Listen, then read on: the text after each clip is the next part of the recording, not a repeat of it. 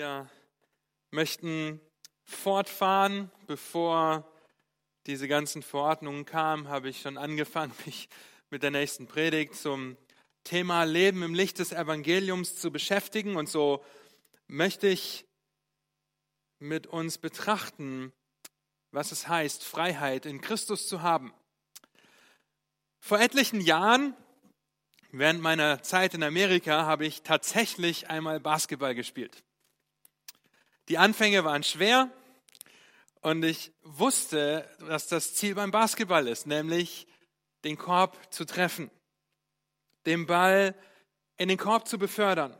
Aber so oft ich das auch probiert habe, so wie ich das auch versucht habe, ich habe diesen Korb nicht getroffen. Ab und zu, vielleicht mal zufällig, aber oft war ich schon froh, wenn ich wenigstens in Richtung des Korbes geworfen habe und wusste, wo der Korb stand. Nun, das hat sich schlagartig geändert, als ein Mitstudent von mir auf mich zukam, der Basketball in der Highschool und so weiter gespielt hat, der viel professioneller war als ich, der mich beobachtet hat und der mir exakt hat sagen können, was mein Problem ist, warum ich diesen Korb nicht treffe. Der Grund war einfach, dass ich nicht auf den Korb fixiert war, sondern auf den Ball. Und man sollte sich auf den Korb konzentrieren, den man treffen will. Nun aber zum Basketball gehört mehr als einfach nur den Korb zu treffen. Ja, denn sobald man den Korb getroffen hat, solltest du wie von einer Wespe gestochen zurücklaufen, weil jetzt die andere Mannschaft den Ball hat. Umschalten von der Offensive in die Defensive. Es ist also nicht möglich, ständig vor diesem Korb zu stehen und sich darauf so sehr zu konzentrieren und nicht darauf zu reagieren, was passiert, wenn man ihn trifft oder die andere Mannschaft den Ball bekommt. Nein, auch wenn der Korb überhaupt das ist, was Basketball zu Basketball macht, das Spiel ist umfassender als den Korb zu treffen. Und lieben mit dem Evangelium ist es ähnlich. Ja, es ist der Korb, es ist das Zentrum, das, worauf wir uns konzentrieren, was unser Christsein überhaupt zum Christsein macht. Und wenn wir uns damit beschäftigen, was es heißt, im Licht des Evangeliums zu leben, dann müssen wir uns auf den Korb konzentrieren, fixieren. Aber durch die Gnade Gottes in deinem und in meinem Leben fangen wir an zu laufen, fangen wir an zu rennen, fangen wir an, alles daran zu setzen, Gottes Wort umzusetzen durch den Heiligen Geist, der in uns wirkt, weil wir wissen, warum wir Christen sind. Und so möchte ich euch bitten, Galater 5 mit mir aufzuschlagen. Galater 5, wenn es um die Freiheit in Christus geht. Galater 5, wir wollen uns heute tatsächlich nur mit zwei Versen aus diesem wunderbaren Buch beschäftigen. Die Verse 13 und 14. Ich lese uns aber ab Vers 1 in Galater Kapitel 5. Da heißt es, Gottes Wort sagt, darum steht nun fest in der Freiheit, zu der uns Christus befreit hat, und lasst euch nicht wieder in ein Joch der Knechtschaft spannen. Siehe, ich, Paulus, sage euch, wenn ihr euch beschneiden lasst, wird euch Christus nicht nützen.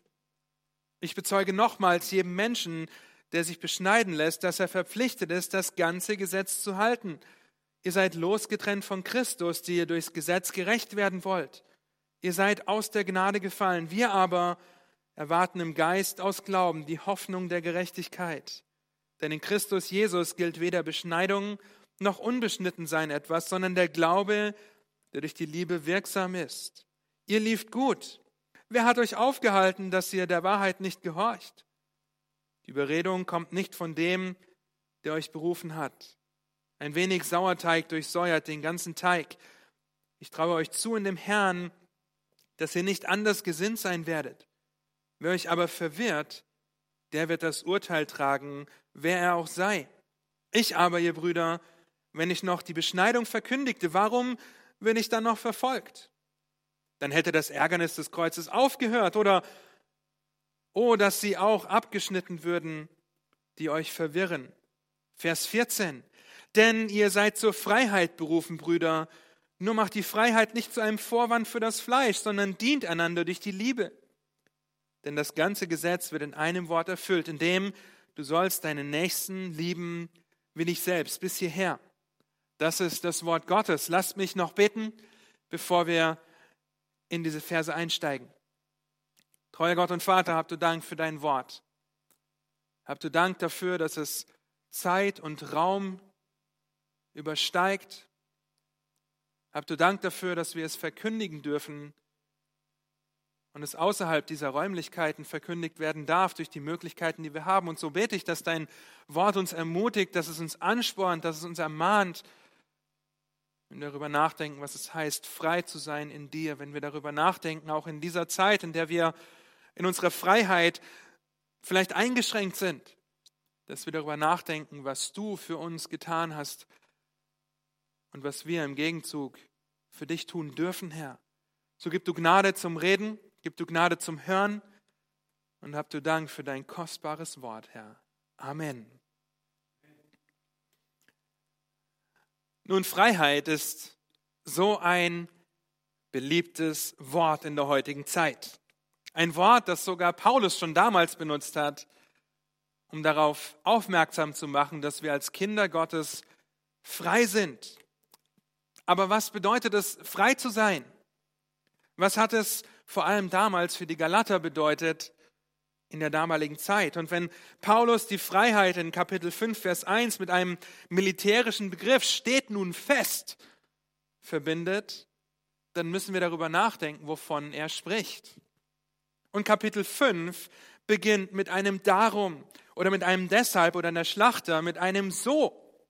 Und nur um uns zu erinnern, worum es geht in dieser Serie Leben im Licht des Evangeliums, wir reagieren auf das Evangelium. Das heißt, bei einem Darum fragen wir uns, warum schreibt er das? Bei einem Weshalb, nee, bei einem Deshalb fragen wir uns, weshalb schreibt er das? Und bei einem So, wie es in der Schlachte heißt, können wir uns die Frage stellen, wo?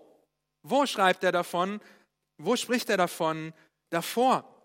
Und so lasst uns einen kurzen Streifzug, der auf keinen Fall in die Tiefe gehen kann, durch den Galaterbrief machen, um zu sehen, wo Paulus in Kapitel 5 ankommt.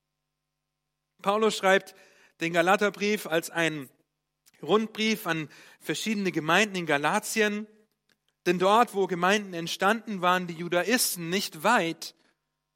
Judaisten, die meinten, man könne nur durch das Judentum, also durch das Einhalten des Gesetzes, zum Christentum kommen. Das hat Paulus getrieben vom Heiligen Geist dazu bewegt, diesen Brief zu schreiben, um vor der falschen Lehre und den falschen Lehrern zu warnen und den jungen Gemeinden in Galatien aufzuzeigen, was es bedeutet, Christ zu sein. Wenn wir diesen Brief betrachten, dann ist Kapitel 5 die Aufforderung, das umzusetzen, was Paulus vier Kapitel vorher geschrieben hat, gesagt hat. Aber von welcher Freiheit redet Paulus und Dazu möchte ich euch ermutigen, ein paar Seiten zurückzublättern oder zurückzuscrollen, wie auch immer, in Kapitel 1.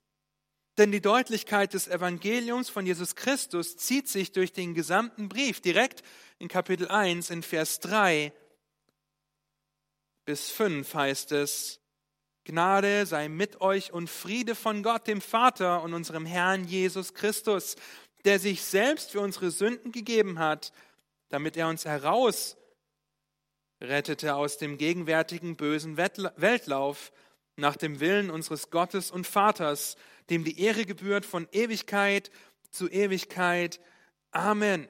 Das ist das Evangelium in seiner Kürze. Kurz zusammengefasst, Jesus Christus hat sich selbst für unsere Sünden gegeben, uns herausgerettet zur Ehre Gottes des Vaters. Damit bereitet Paulus die Bühne vor für das, was folgt. Vers 6, Kapitel 1. Mich wundert, dass ihr euch so schnell abwenden lasst von dem, der euch durch die Gnade des Christus berufen hat, zu einem anderen Evangelium, während es doch kein anderes gibt. Nur sind etliche da, die euch verwirren und das Evangelium von Christus verdrehen wollen.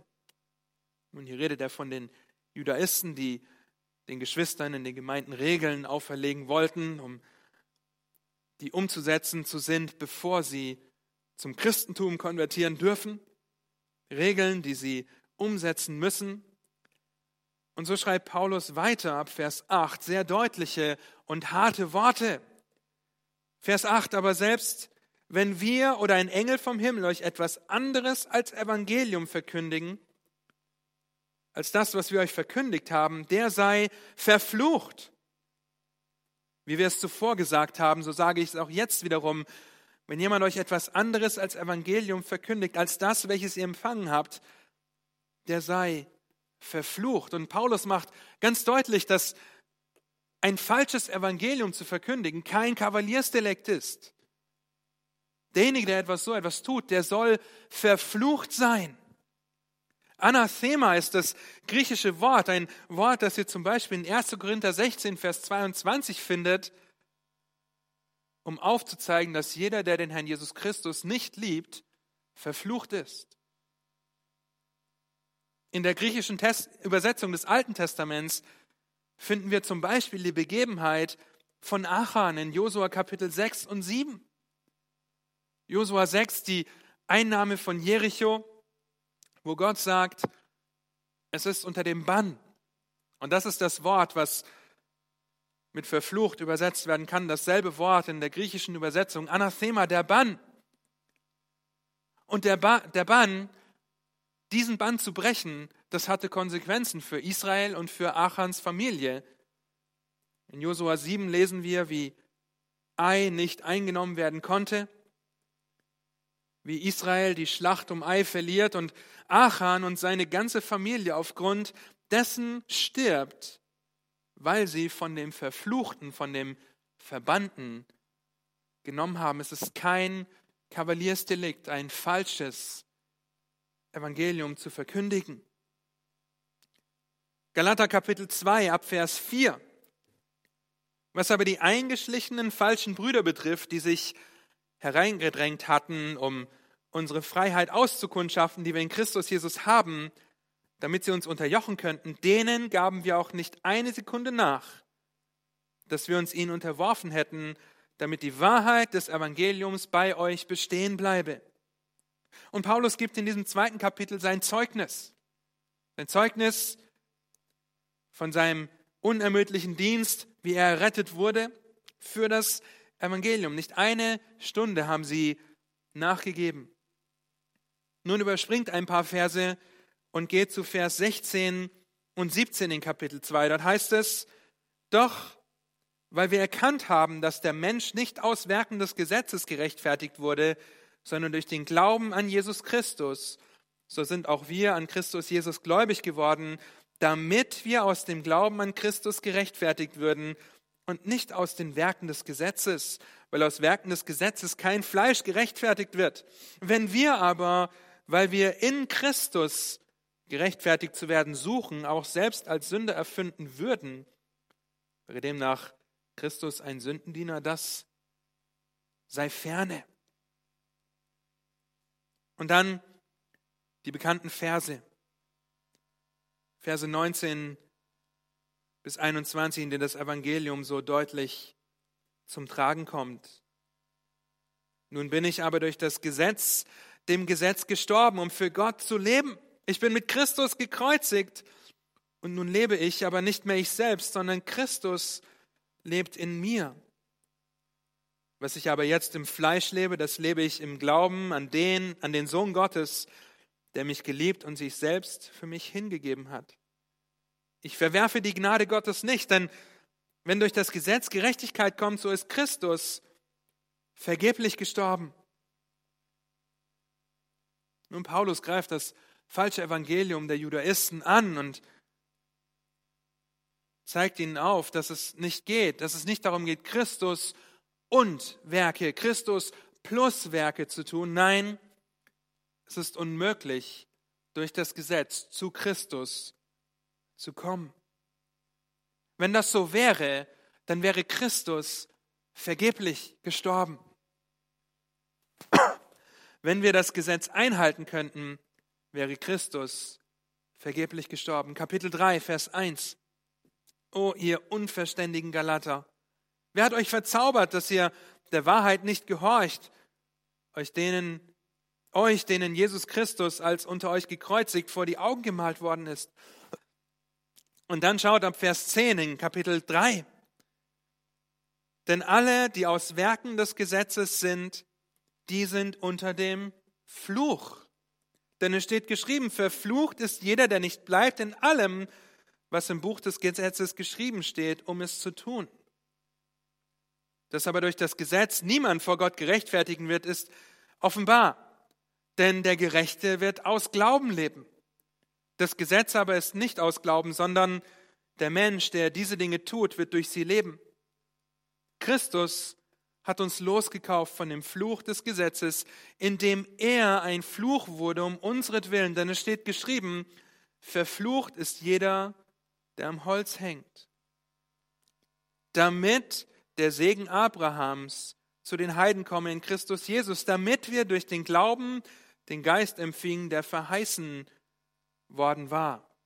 Ihr Lieben, das sind Verse, die uns anspornen, das sind Verse, die uns ermutigen, dass wir nicht aufgrund unserer Einhaltung des Gesetzes gerettet sind. Dass du nicht gerettet bist, weil dein Tag gestern gut verlaufen ist und du denkst, ich habe wenig gesündigt, dass du gesündigt, dass du nicht gerettet bist oder die Angst hast, nicht gerettet zu sein, weil dein Tag vorgestern mit Wut begonnen hat und mit Frustration aufgehört hat, weil du den ganzen Tag darin versagt hast, das Gesetz einzuhalten. Das Gesetz rettet dich nicht. Und deshalb sind das Verse, die uns anspornen, Verse, die uns ermutigen, dass wir nicht aufgrund unserer Einhaltung des Gesetzes gerettet sind, weil das Gesetz den Fluch bringt, weil du und ich es niemals perfekt einhalten können. Und so kommen wir der Sache schon näher. Kommen wir der Sache schon näher, dass Christus uns freigekauft hat von dem Fluch des Gesetzes. Ein paar Verse weiter, Kapitel 3, Vers 21 heißt es, ist nun das Gesetz gegen die Verheißung Gottes? Das sei ferne. Denn wenn ein Gesetz gegeben wäre, das lebendig machen könnte, so käme die Gerechtigkeit wirklich aus dem Gesetz. Aber die Schrift hat alles unter die Sünde zusammengeschlossen, damit die Verheißung aufgrund des Glaubens an Jesus Christus denen gegeben würde, die glauben. Bevor aber der Glaube kam, wurden wir unter dem Gesetz verwahrt und verschlossen auf den Glauben hin, der geoffenbart werden sollte. So ist also das Gesetz unser Lehrmeister geworden auf Christus hin, damit wir aus Glauben gerechtfertigt würden. Das Gesetz zeigt uns auf, dass wir Gottes Maßstab niemals perfekt einhalten können, nicht ansatzweise erreichen können, was Gott verlangt, um gerecht vor ihm zu stehen. Und deshalb der Lernvers, der Lohn der Sünde ist der Tod die Gnadengabe Gottes, aber das ewige Leben in Christus Jesus, unserem Herrn, Römer 6, Vers 23. Ihm das Gesetz zeigt uns auf, dass wir es nicht schaffen und weist uns auf die Gnade hin, die wir in Christus haben. Kapitel 4, Abvers 4. Als aber die Zeit erfüllt war, sandte Gott seinen Sohn, geboren von einer Frau und unter das Gesetz getan, damit er die, welche unter dem Gesetz waren, loskaufte, damit wir die Sohnschaft empfingen. Weil ihr nun Söhne seid, hat Gott den Geist seines Sohnes in eure Herzen gesandt, der ruft, aber Vater. So bist du also nicht mehr Knecht, sondern Sohn. Wenn aber Sohn, dann auch Erbe Gottes durch Christus. Vers 9. Jetzt aber, da ihr Gott erkannt habt, ja vielmehr von Gott erkannt seid, wieso wendet ihr euch wiederum den schwachen und armseligen Grundsätzen zu, denen ihr von neuem dienen wollt? Ihr Lieben, und wir sagen das immer wieder. Das Evangelium von Jesus Christus erlegt uns keine Lasten auf. Vielmehr bestätigt es, bekräftigt es die Freiheit, die wir haben, die Freiheit in Christus. Vers 31 in Kapitel 4. Da heißt es, so sind wir also, Brüder, nicht Kinder der lebendigen, der leibeigenen Magd, sondern der Freien. Wenn ihr das Kapitel lest, dann seht ihr den Vergleich von Abraham und der Geschichte mit Hagar, die Magd und die Versklavung und die Geschichte über Sarah, die leibeigenen Kinder. Wir sind aufgrund dessen, dass wir erlöst sind, nicht mehr unter dem Gesetz. Und so wird die Grundlage für Kapitel 5 gelegt. In diesen ersten vier Kapiteln legt Paulus die Grundlage für das, was jetzt kommt. Und ähnlich wie der Wechsel von Lehre zum Leben in Römer Kapitel 11 zu 12 finden wir diesen Wechsel hier zwischen Kapitel 4 und 5. Galater 5, Vers 1. Darum, aufgrund dessen, was das Evangelium ist, dass ihr frei seid in Christus, dass ihr nicht mehr unter diesem Joch seid, Gesetze zu erfüllen. Darum steht fest in der Freiheit, zu der Christus uns befreit hat und lasst euch nicht wieder in ein Joch der Knechtschaft oder Sklaverei spannen. Aufgrund dessen, sagt Paulus, was ich gerade aufgeführt habe, ausgeführt habe, wer wir in Christus sind, handeln und leben wir als solche. Als solche, die nicht mehr unter dem Gesetz sind, sondern in Christus.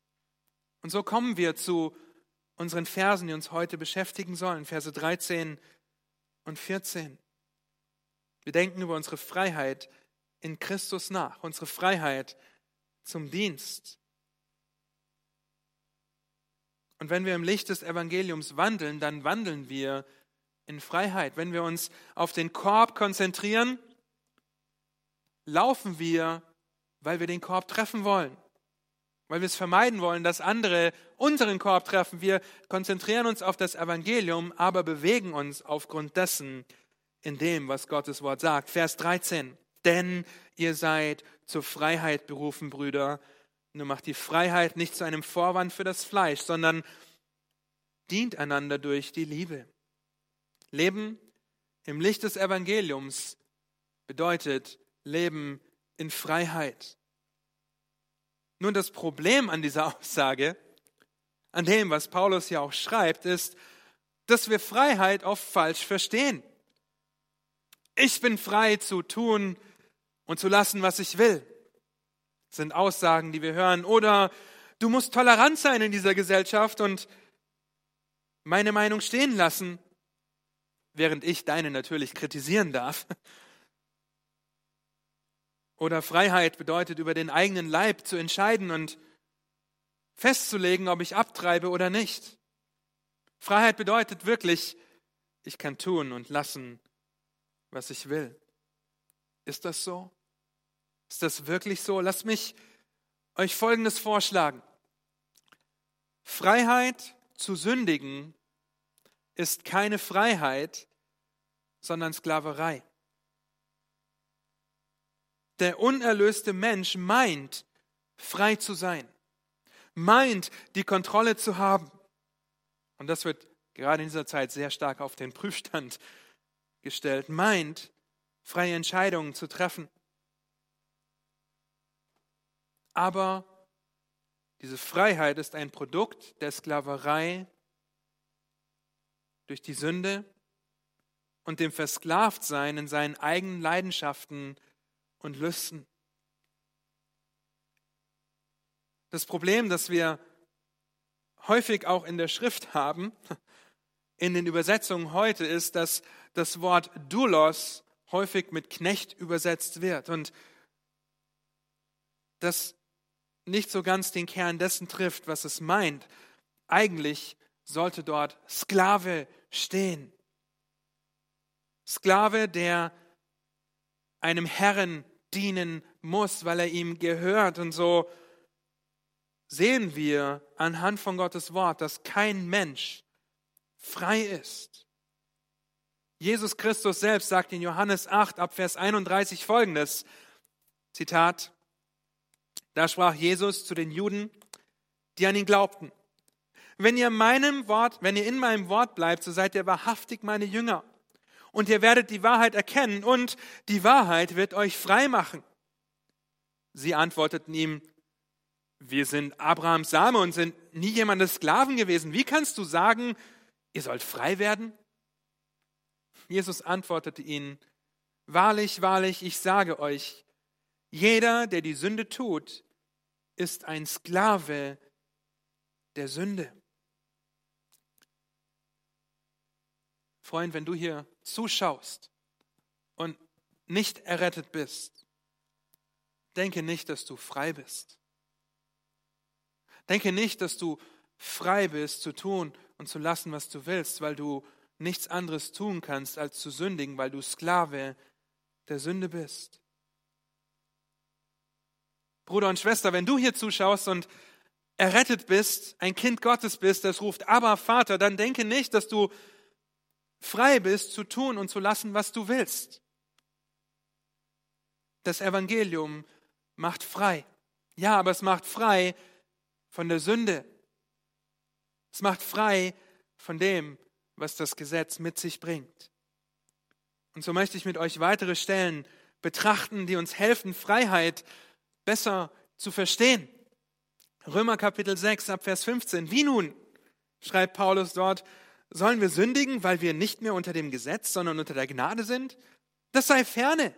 Wisst ihr nicht, wem ihr euch als Sklaven hingebt, um ihm zu gehorchen, dessen Sklaven seid ihr und müsst ihm gehorchen? Es sei der Sünde zum Tode oder dem Gehorsam zur Gerechtigkeit? Gott aber sei Dank, dass ihr Sklaven der Sünde gewesen, nun aber vom Herzen gehorsam geworden seid, dem Vorbild der Lehre, das euch überliefert worden ist. Nachdem ihr aber von der Sünde befreit wurdet, seid ihr der Gerechtigkeit dienstbar geworden.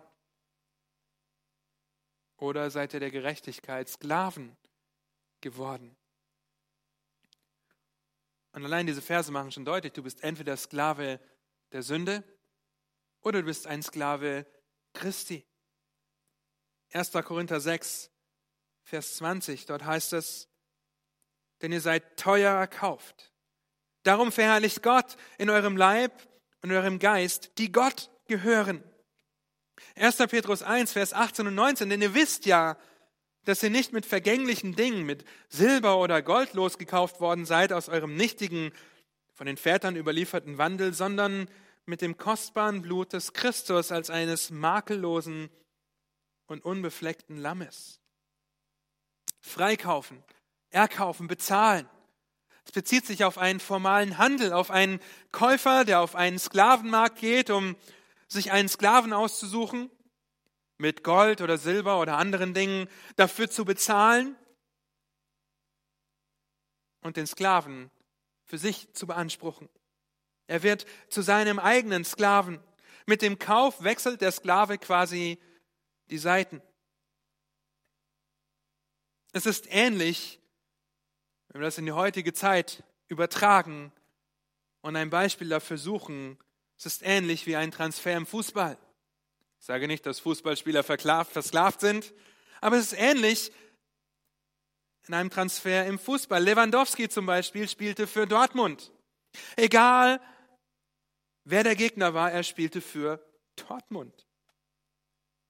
Nachdem Bayern ihn gekauft hatte, wechselt er das Trikot und spielt von nun an, egal gegen welchen Gegner, für Bayern. Und bei einem Spiel gegen Dortmund fängt er nicht auf einmal an, Eigentore zu schießen und zurückzugehen, weil er ja eigentlich Dortmunder ist. Nun, wenn du freigekauft bist von Christus, dann gebe dich Christus hin und spiele nicht für die Mannschaft der Sünde. Römer 6 noch einmal ab Vers 11. Also auch ihr haltet euch selbst dafür, dass ihr für die Sünde tot seid, aber für Gott lebt in Christus Jesus, unserem Herrn. So soll nun die Sünde nicht herrschen in eurem sterblichen Leib, damit ihr der Sünde nicht durch die Begierden des Leibes gehorcht. Gebt, euch auch, gebt auch nicht eure Glieder der Sünde hin als Werkzeuge der Ungerechtigkeit, sondern gebt euch selbst Gott hin als solche, die lebendig geworden sind aus den Toten.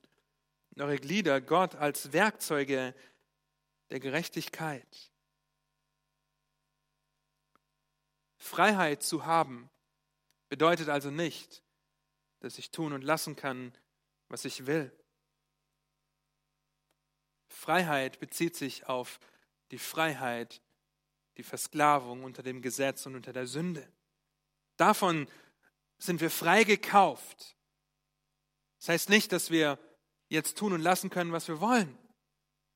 Wieso sollte Christus uns von der Sünde freikaufen, um uns einen Freibrief zu sündigen zu geben?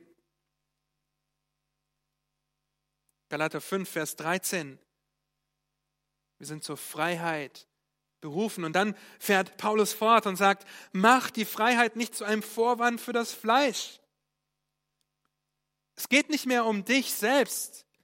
Und das Wort Vorwand, das hier steht, womit wir vielleicht wenig anfangen können, ist ein sehr interessantes Wort. Ein Wort, das uns hilft, besser zu verstehen, worum es geht. Es kann auch mit Anlass oder mit einem Startpunkt übersetzt werden. Und häufig wurde dieses Wort im Krieg benutzt und so die Einsatzbasis der Streitkräfte bezeichnet. Die Basis der Außenposten, das Fort, wie auch immer ihr das nennen möchtet, einer Streitkraft. Es war die Basis, in der man Unterschlupf und Schutz gesucht hat, aber auch geplant hat, wie man weiter gegen den Feind vorgeht. Nutze dein Fleisch, nutze deine Freiheit nicht als Basis für dein Fleisch, wo du planst, was du jetzt alles tun kannst, weil Christus ja für dich gestorben ist dass du tun kannst, was du willst, nutze ihn nicht als, nutze sie nicht als Vorwand, dich auf der Gnade Gottes auszuruhen. Das sei ferne. Freiheit bedeutet nicht zu tun und zu lassen, was du willst, sondern zu tun und zu lassen, was Christus will. Das war vorher nicht möglich. Im unerretteten Zustand ist es nicht möglich, Christus zu ehren, für Christus zu leben. Deshalb müssen wir Freiheit im Licht der Schrift verstehen, im Licht des Evangeliums und nicht im Licht der Welt und was sie darunter versteht. Aber wozu? Wozu sollen wir die Freiheit nutzen? Wozu können wir sie nutzen? Noch einmal unsere, unsere Verse denn ihr seid zur Freiheit berufen, Brüder. Nur macht die Freiheit nicht zu einem Vorwand für das Fleisch, sondern, sondern dient einander durch die Liebe.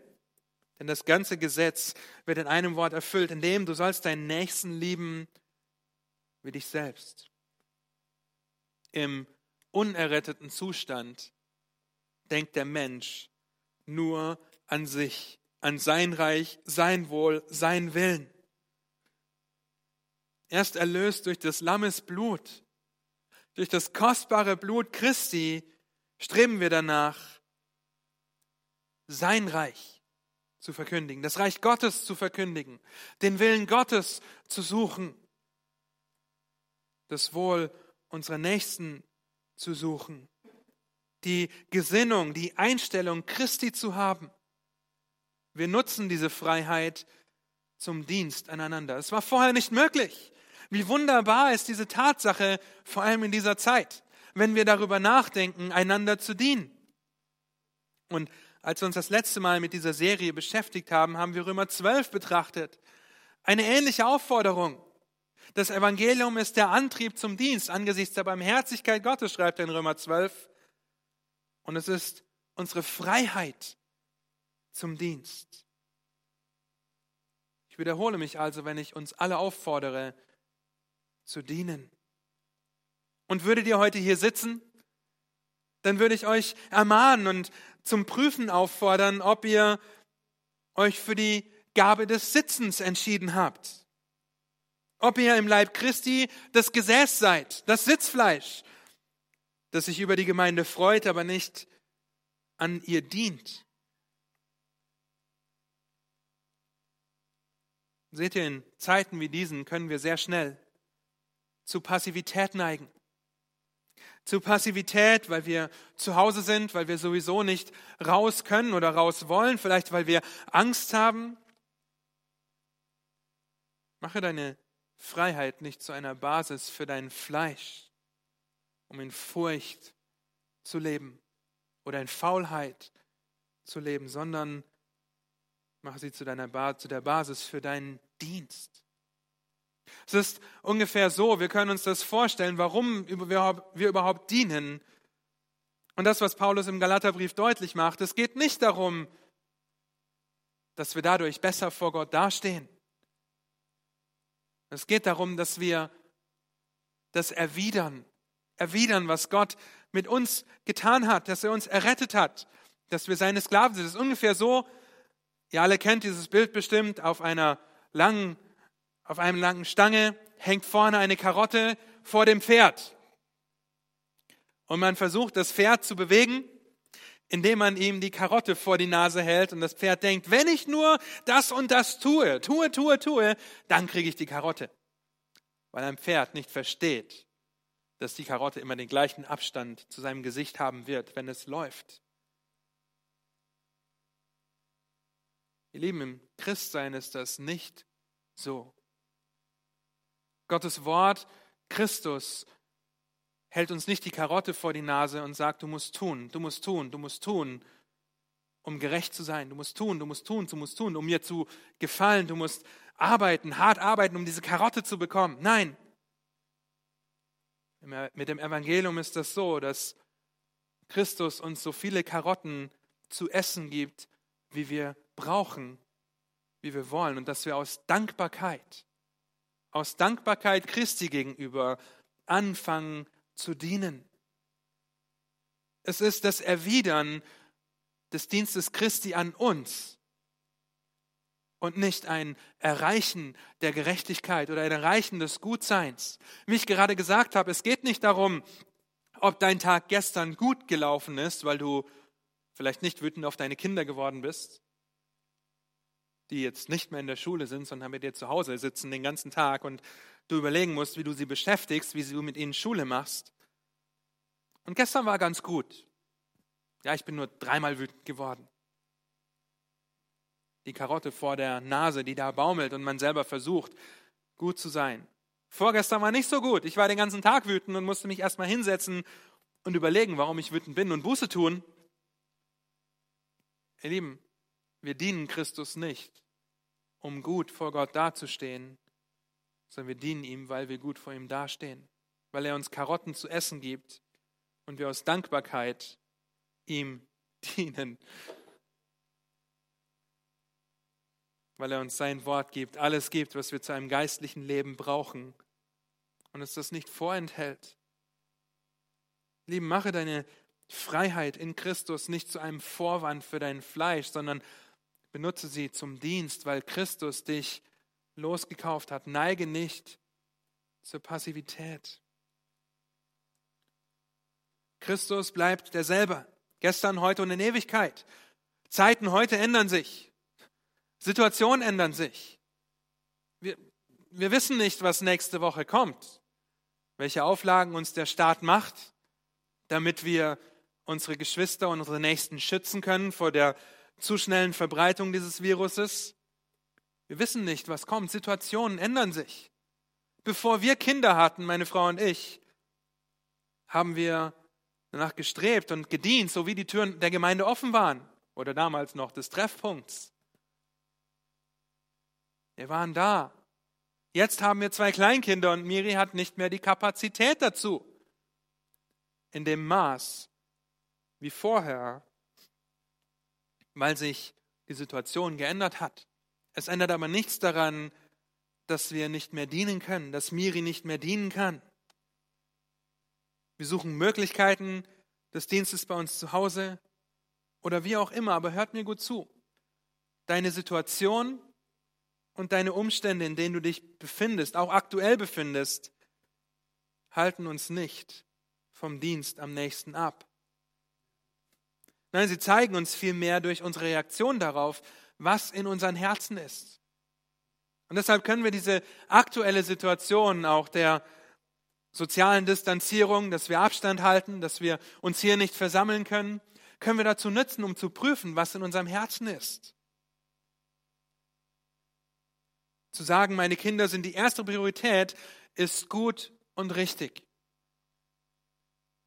Kinder sollten die erste Priorität sein. Als Älteste wollen wir, dass ihr als Mütter, dass ihr als Väter die Einstellung habt, dass eure Familien erste und oberste Priorität haben. Aber wenn es eine erste oder oberste Priorität gibt, dann gibt es auch eine zweite und dritte Priorität. Und deshalb nutze die, deine Umstände, in die Gott dich gestellt hat, nicht als Ausrede, nicht zu dienen, sondern überlege dir, wie du dienen kannst. Drehe dich in deiner Freiheit nicht um dich selbst, sondern diene deinem Nächsten. Liebe deinen Nächsten wie dich selbst, heißt es. Das beinhaltet unsere Freiheit. Aufgrund unserer Freiheit können wir dienen. Können wir selbstlos dienen? Wie heißt es in Galater 5, Vers 13? Sondern dient einander durch die Liebe. Ihr lieben Christus hat sich hingegeben für uns. Er hat uns aufgezeigt und vorgelebt. Er hat uns rausgekauft. Wir wurden zuerst geliebt. Wir wurden von Gott erkannt. Und aufgrund dessen haben wir ihn erkannt. Aufgrund dessen dienen wir einander. Das ist die Aufforderung aus 3. Mose 19, Vers 18, die nicht nur von Paulus, sondern auch von Christus wiederholt wird. Leben im Licht des Evangeliums bedeutet, dass du frei bist, deinem Nächsten selbstlos zu dienen. Wie sieht dieser Dienst aus? Wie sieht er aktuell bei dir aus? Nun, lass uns Ausschau halten nach den Nöten in der Gemeinde, in unserer Nachbarschaft. Diene vor allem aber zuerst, primär, aber nicht nur, deinen Geschwistern der Gemeinde. Galater Kapitel 6, Vers 1 und 2 kennen wir sehr gut. Vers 2, einer trage die Lasten des anderen, aber dann heißt es weiter in Vers 9, lasst uns im Gutes tun nicht müde werden, denn zu seiner Zeit werden wir, euch werden wir auch ernten, wenn wir nicht ermatten. Vers 10. So lasst uns nun, wo wir die Gelegenheit haben, an allen Gutes tun, besonders aber an den Hausgenossen des Glaubens. Deshalb klemmen wir uns hinter das Telefon, deshalb versuchen wir Möglichkeiten herauszuarbeiten, wie wir einander dienen können, auch in Zeiten einer Abschottung, auch in Zeiten einer eventuellen Ausgangssperre, die in manchen Bundesländern schon eingesetzt wurde. Wir überlegen, wie wir dienen können. Dass unsere Veranstaltung, dass wir unsere Veranstaltung absagen müssen, dass wir uns hier nicht als Gemeinde versammeln können, bedeutet nicht, dass wir nicht die Möglichkeit haben.